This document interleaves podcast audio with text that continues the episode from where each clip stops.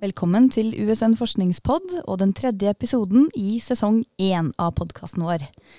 Mitt navn er Eileen Holtan Torgersen, og i dag skal vi snakke om open access. Hva er det som kreves av både universitetet som institusjon og universitetets forskere for å oppnå mest mulig åpen tilgang til forskning? Og hvorfor er dette viktig for forskere som bærer et samfunnsansvar for kunnskapsproduksjon og kunnskapskommunikasjon? Denne uka arrangerer USN i samarbeid med Universitetet i Stavanger Open Access Week der disse temaene og mange andre temaer som har med open access og open science å gjøre, blir tatt opp. Med oss i dag har vi seniorrådgiver Herman Strøm og spesialbibliotekar Dag Even Martinsen-Torsjø, som har vært med på å arrangere denne uka, og som er eksperter på open access. Velkommen til dere. Tusen takk. Takk, takk. Vi begynner med et spørsmål til deg, Herman. Kan du forklare litt om hva open access innebærer?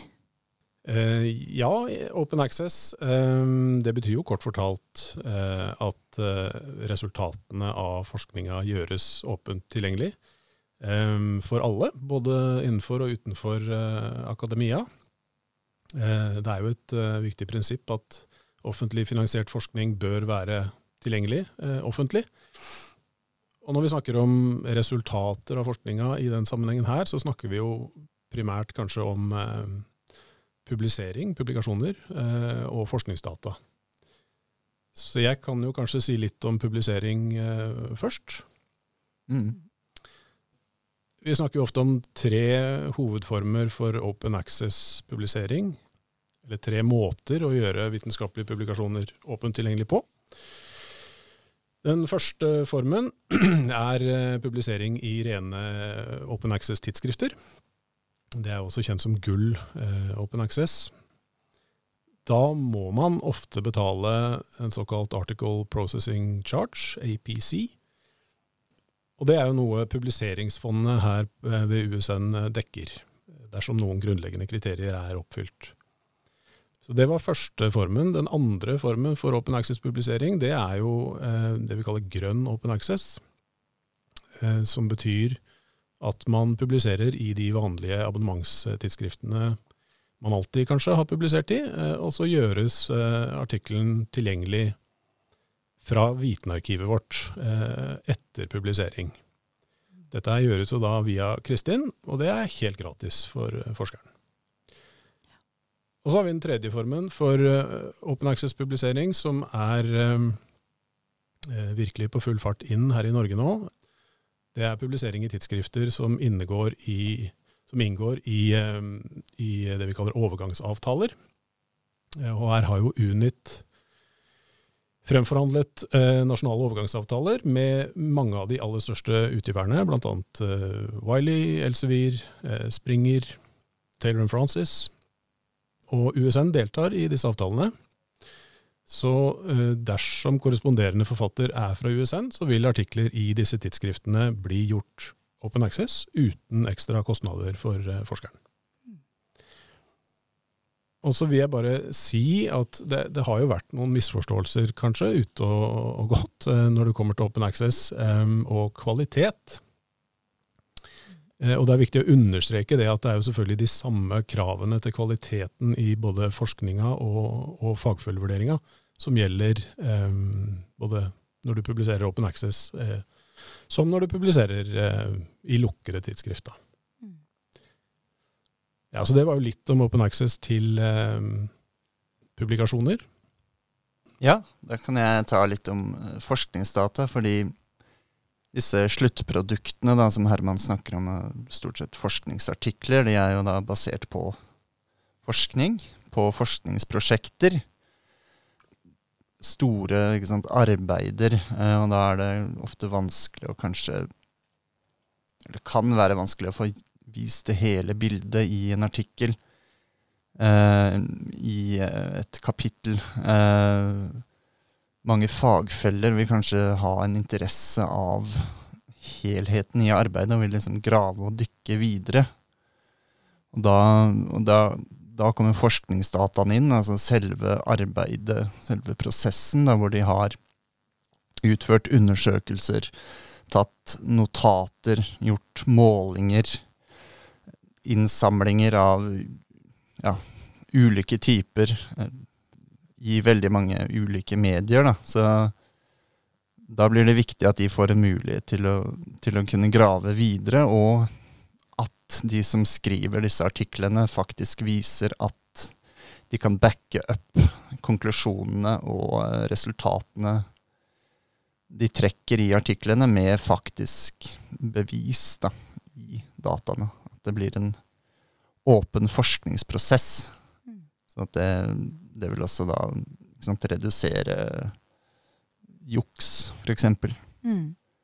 Ja. Eh, vil det eh, spille mer inn i det som er mitt neste, neste spørsmål, som er hvordan skiller Open Access seg fra Open Science?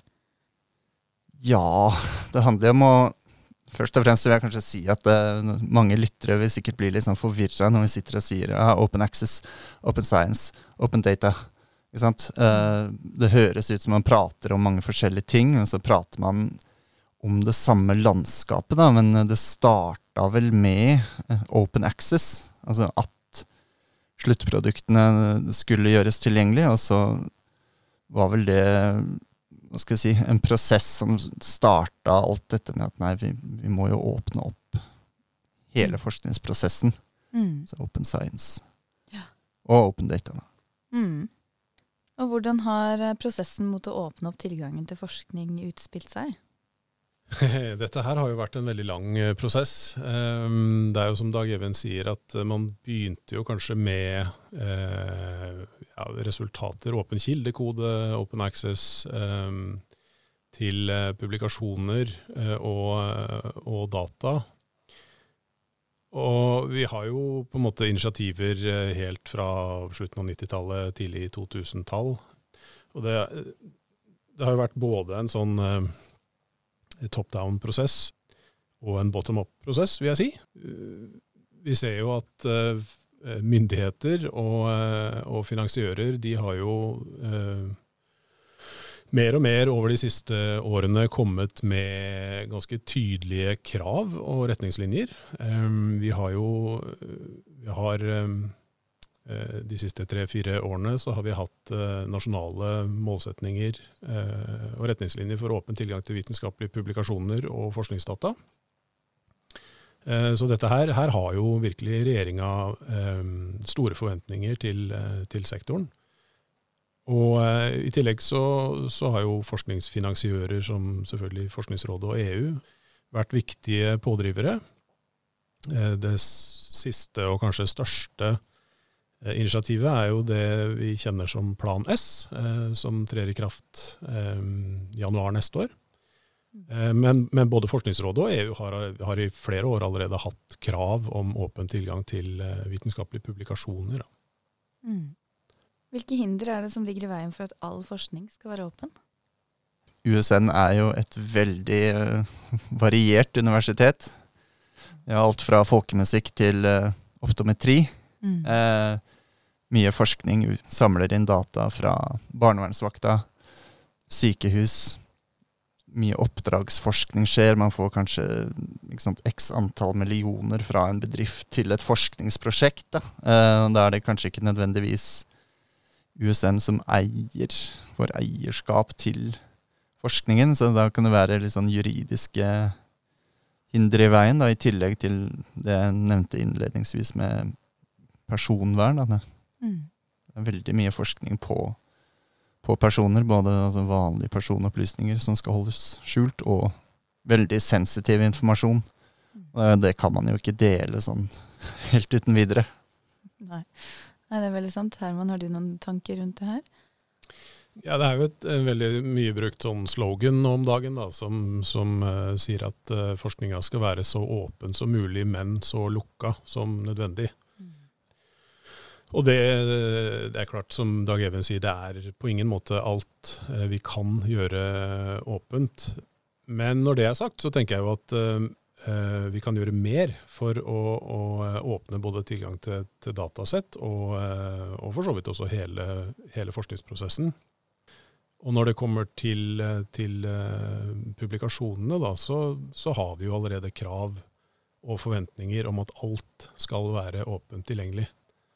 Og det er, jo, det er jo, fordi at eh, de vitenskapelige publikasjonene de, de, er jo der ute i et tidsskrift eller utgitt på et forlag. Så der handler det jo egentlig bare om å, uh, å gjøre det gratis for leserne, rett og slett. Mm. Ja. Så kan jeg føye til at uh, litt tilbake til dataene.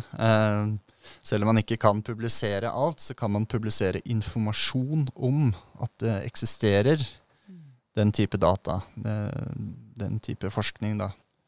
Sånn at i hvert fall det kommer ut, at det er en bevissthet, og at det er kontaktpunkter hvis si en forsker i Sveits da, eh, forsker på ja, barnevern, altså søker han på en, en, internasjonal søkemotor, og så får han et kontakt, kontaktpunkt til eh, en forsker på USN som har da utført forskning på dette. Han leser artikkelen og han ser ok, hvis jeg kontakter vedkommende, så kan jeg kanskje uh, få mer informasjon om dette mm. på en trygg måte. Mm. I slutten av uh, september så publiserte nyhetsavisa Krono en sak som handlet om at norske universiteter har brukt opp kvota si for open access-publisering for i år. Kan uh, dere forklare litt rundt denne problematikken? Mm, ja, um, det er jo som vi var inne på her, at Unit har framforhandla nasjonale avtaler uh, med de største utgiverne. Og i disse nasjonale avtalene så, så, ligger det at vi har, uh, vi har kvoter, rett og slett. Vi, har, vi, får lov til å publisere et gitt antall vitenskapelige artikler hvert år.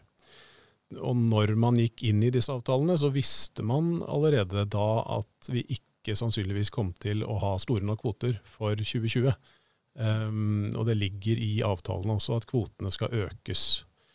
Så sannsynligvis så vil vi jo se at, at eh, en, en, større andel av, av norsk publisering eh, i årene som kommer, vil bli omfatta av kvotene, da.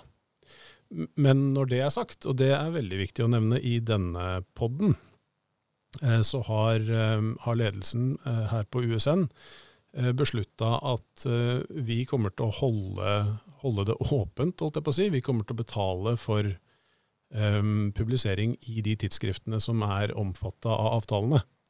Så det at kvotene er brukt opp eh, nasjonalt, det vil ikke ha noen konsekvenser for USNs forskere. De kan fortsette å publisere åpent i alle tidsskriftene som er med i de store avtalene vi inngår i. Ja, Det er jo et veldig flott eh, lokalt initiativ. Det neste spørsmålet her har, er uh, litt eh, stort. Men har dere noen forslag til hvordan vi kan løse utfordringen med at det er begrensa antall open access-publiseringer? Nei, jeg tenker jo at Eh, vi nevnte Plan S, og det er nok eh, det initiativet som har hatt mest å si. Eh, I Norge så er det jo Forskningsrådet som har, har vært primus motor for dette her. Det er jo en sammenslutning av forskningsråd og andre forskningsfinansiører internasjonalt som, som står bak Plan S. Og Røttingen har jo sagt at Plan S har gjort mer for åpen forskning de siste ja, det ble jo lansert i 2018, vel, um, enn det som har skjedd da på området de siste 20 åra. For her er det nå er det helt tydelig eh, for tidsskrifter og, og forlag at, eh, at, myndigheter og finansiører mener alvor. Nå, nå, snakker vi ikke lenger om dette her. Dette, dette blir nå et helt eksplisitt krav eh, i finansieringsordningene. Mm. Og jeg tror at Eh, vi har jo hatt Open Access Week eh, eh, innledere i dag, bl.a. Jon Flatten fra Forskningsrådet, som, som snakket om den nye Rights Retention-strategien, som, som, nå er lansert av, av Koalisjon S, da, som står bak Plan S. Og det, det, er et tiltak som jeg, som jeg, tenker kommer til å ha stor effekt. For det de, det de, koalisjonen har gjort, det er rett og slett å, um, å gå ut til um, de store utgiverne og si at fra 2021 så stiller vi krav til våre forskere. Så de som får penger av oss, de, de skal publisere åpent, og de skal beholde rettighetene til, um, til å uh, gjøre de vitenskapelige publikasjonene åpent tilgjengelige. Um, og de vitenskapelige publikasjonene skal ha en CC-lisens. Um, nå er det ikke helt sikkert at uh, dette her kommer til å bli tatt inn i uh, det kommende Horisont Europa sånn bokstav for bokstav ut fra Plan S, men, men Forskningsrådet stiller seg bak dette her. Og når finansiørene nå har gått ut til um, utgiverne og sagt uh, dette, så mener de at det kravet og den uh, avtalen som da finansiør og forskningsinstitusjoner og forskere uh, inngår, den vil overstyre en eventuelt seinere publiseringsavtale som forskerne inngår med utgiveren. Så det betyr at forskerne vil beholde rettigheten da til å og gjøre alle publikasjonene åpent tilgjengelig med en, eh, en CC-lisens. Mm. Eh, det betyr ikke at alle publikasjoner, vitenskapelige eh, artikler fra eh, forskningsrådsprosjekter og EU-prosjekter fra nå av må være i open access-tidsskrifter, men det betyr at eh, forskerne skal beholde retten til å tilgjengeliggjøre en versjon av artikkelen fra Vitenarkiv allerede på publiseringstidspunktet altså parallelt med at den eventuelt kommer ut i et abonnementstidsskrift. Mm. Så dette her tror jeg kommer til å ha, ha, en veldig stor effekt når det kommer til, um, til tilgang på vitenskapelige publikasjoner. Det er veldig spennende at, at forskningsfremtida vår ser sånn ut, hvor det blir mye mer krav til at informasjonen gjøres tilgjengelig for alle som skulle ønske å lese om det. Så, så, tenker jeg det er viktig å legge til at uh, vi er jo på langt nær, vi vi er jo langt ifra mål her. Uh, og det er, uh, det er, veldig mye som gjøres både når det kommer til infrastruktur og informasjon. på infrastruktursiden så tenker jeg at det skjer mye spennende både nasjonalt og, og internasjonalt. Vi jobber jo med å få på plass et nasjonalt vitenarkiv som vil gjøre det enklere for forskerne å eh, tilgjengeliggjøre fra Vitenarkiv. Nå er jo vi så heldige at vi har et veldig godt vitenarkiv, eh, brukervennlig vitenarkiv her på USN, men det er jo mange institusjoner i Norge som ikke har det. Så et nasjonalt vitenarkiv er absolutt en viktig brikke i puslespillet. Um, og dette her er jo noe som EU også jobber med. Det er et prosjekt som som er eh, kjempestort, og kanskje litt vanskelig å, uh, å definere hva, hva, hva, skal være. Men det er European Open Science Cloud, um, som skal være en overbygning da, over alle de ulike nasjonale og lokale vitenarkiva og dataarkiva. Så EU jobber jo med, litt i tråd med det Dag Even sa her tidligere, at man må jo finne det også, ikke sant. Og det hjelper ikke at det bare er åpent. Og European Science Cloud er jo da et, et initiativ som, som, på en måte skal gi brukerne én inngang til alle de ulike kildene. Mm. Men så tenker jeg også at det er veldig viktig her å huske på at det holder ikke med krav uh, og, uh, og, infrastruktur. Vi uh, er nok nødt til å se for oss at vi trenger en kulturendring, rett og slett, i fagmiljøene. Mm. Dette var jo noe viserektor Heidi Armstad var inne og, og, og snakket om um, når hun åpnet Open Access Week eh, i går. Mm. Der skal jo selvfølgelig vi i biblioteket gjøre alt vi kan da, for å gi, både hjelpe og støtte og, og, informere fagmiljøene om alt som har med åpen forskning å gjøre. Mm. Det leder litt inn i mitt uh, neste spørsmål. Uh, hvilke mekanismer har vi ved USN i dag som kan hjelpe forskere med open access? Nei, vi har jo en ganske bred forskerstøttetjeneste, da, som uh, bistår forskerne ved alle disse delene av dette open science-landskapet. Mm. For å ta forskningsdata, så har vi en egen forskningsdatagruppe som, uh, som hjelper forskere å publisere data i USNs forskningsdataarkiv. Eventuelt uh, publiserer metadata, som jeg nevnte tidligere. Publiserer da informasjon om at dette datasettet eksisterer. Mm. Hvis dataene ikke kan publiseres fordi de trenger beskyttelse. Mm. Og så har vi også selvfølgelig bistand til uh, forskere som trenger å beskytte dataene sine. Mm. Legge til at når det kommer til open access-publisering, så har vi jo støtte og infrastruktur knytta til alle de tre formene for open access som jeg var innom tidligere. Eh, når det kommer til den første, da, publisering i rene open access-tidsskrifter, så, så, har vi et, eh, et publiseringsfond eh, som, som, da dekker den type publisering. Det er viktig, og det er noe vi ser at fagmiljøene benytter seg mer og mer av. Men enn så lenge i hvert fall, så, så, holder vi det helt åpent. Så alle som oppfyller kriteriene som dere kan lese om på nettsidene våre, de vil få støtte fra publiseringsfondet til å publisere i rene Open Access-tidsskrifter. Og så har vi jo selvfølgelig eh, brukerstøtte når det kommer til valg av publikasjonskanal. Så det er bare å ta kontakt med biblioteket hvis du lurer på om et tidsskrift er, eh, er open access, om du kan få støtte fra fondet, eller om det er eh, med i en av de store nasjonale eh, avtalene, eller hva det måtte være. Og så er det jo viktig å nevne at eh, alle vitenskapelige publikasjoner skal registreres i Kristin. Mm. Der gir vi jo uh, veldig god brukerstøtte. Og så er det eh, viktig å huske på at når du har registrert artikkelen din i Kristin, så må du laste den opp til Vitenarkivet. Mm. Da eh, lurer jeg veldig på, Dag Even, hvordan har det gått med OA Week so far? Jo, det har gått eh, egentlig over all forventning. Ingen eh, tekniske havarier som eh, Ja, I disse dager, det kan jo velte alt. Eh, det har ikke skjedd. Tvert imot. Vi har eh, fått god hjelp fra Edu på USN. Mm. Foredragene har vært veldig bra, og interessen har også vært Ja, den har vært veldig stor. Vi har eh, fått godt, god representasjon, godt oppmøte både fra USN og Universitetet i Stavanger, men også en veldig stor interesse fra jeg tør nesten påstå så å si alle eh, norske ja, høyskoler, universiteter, forskningsinstitusjoner. Ja, greit, ikke alle, men mange. Mm.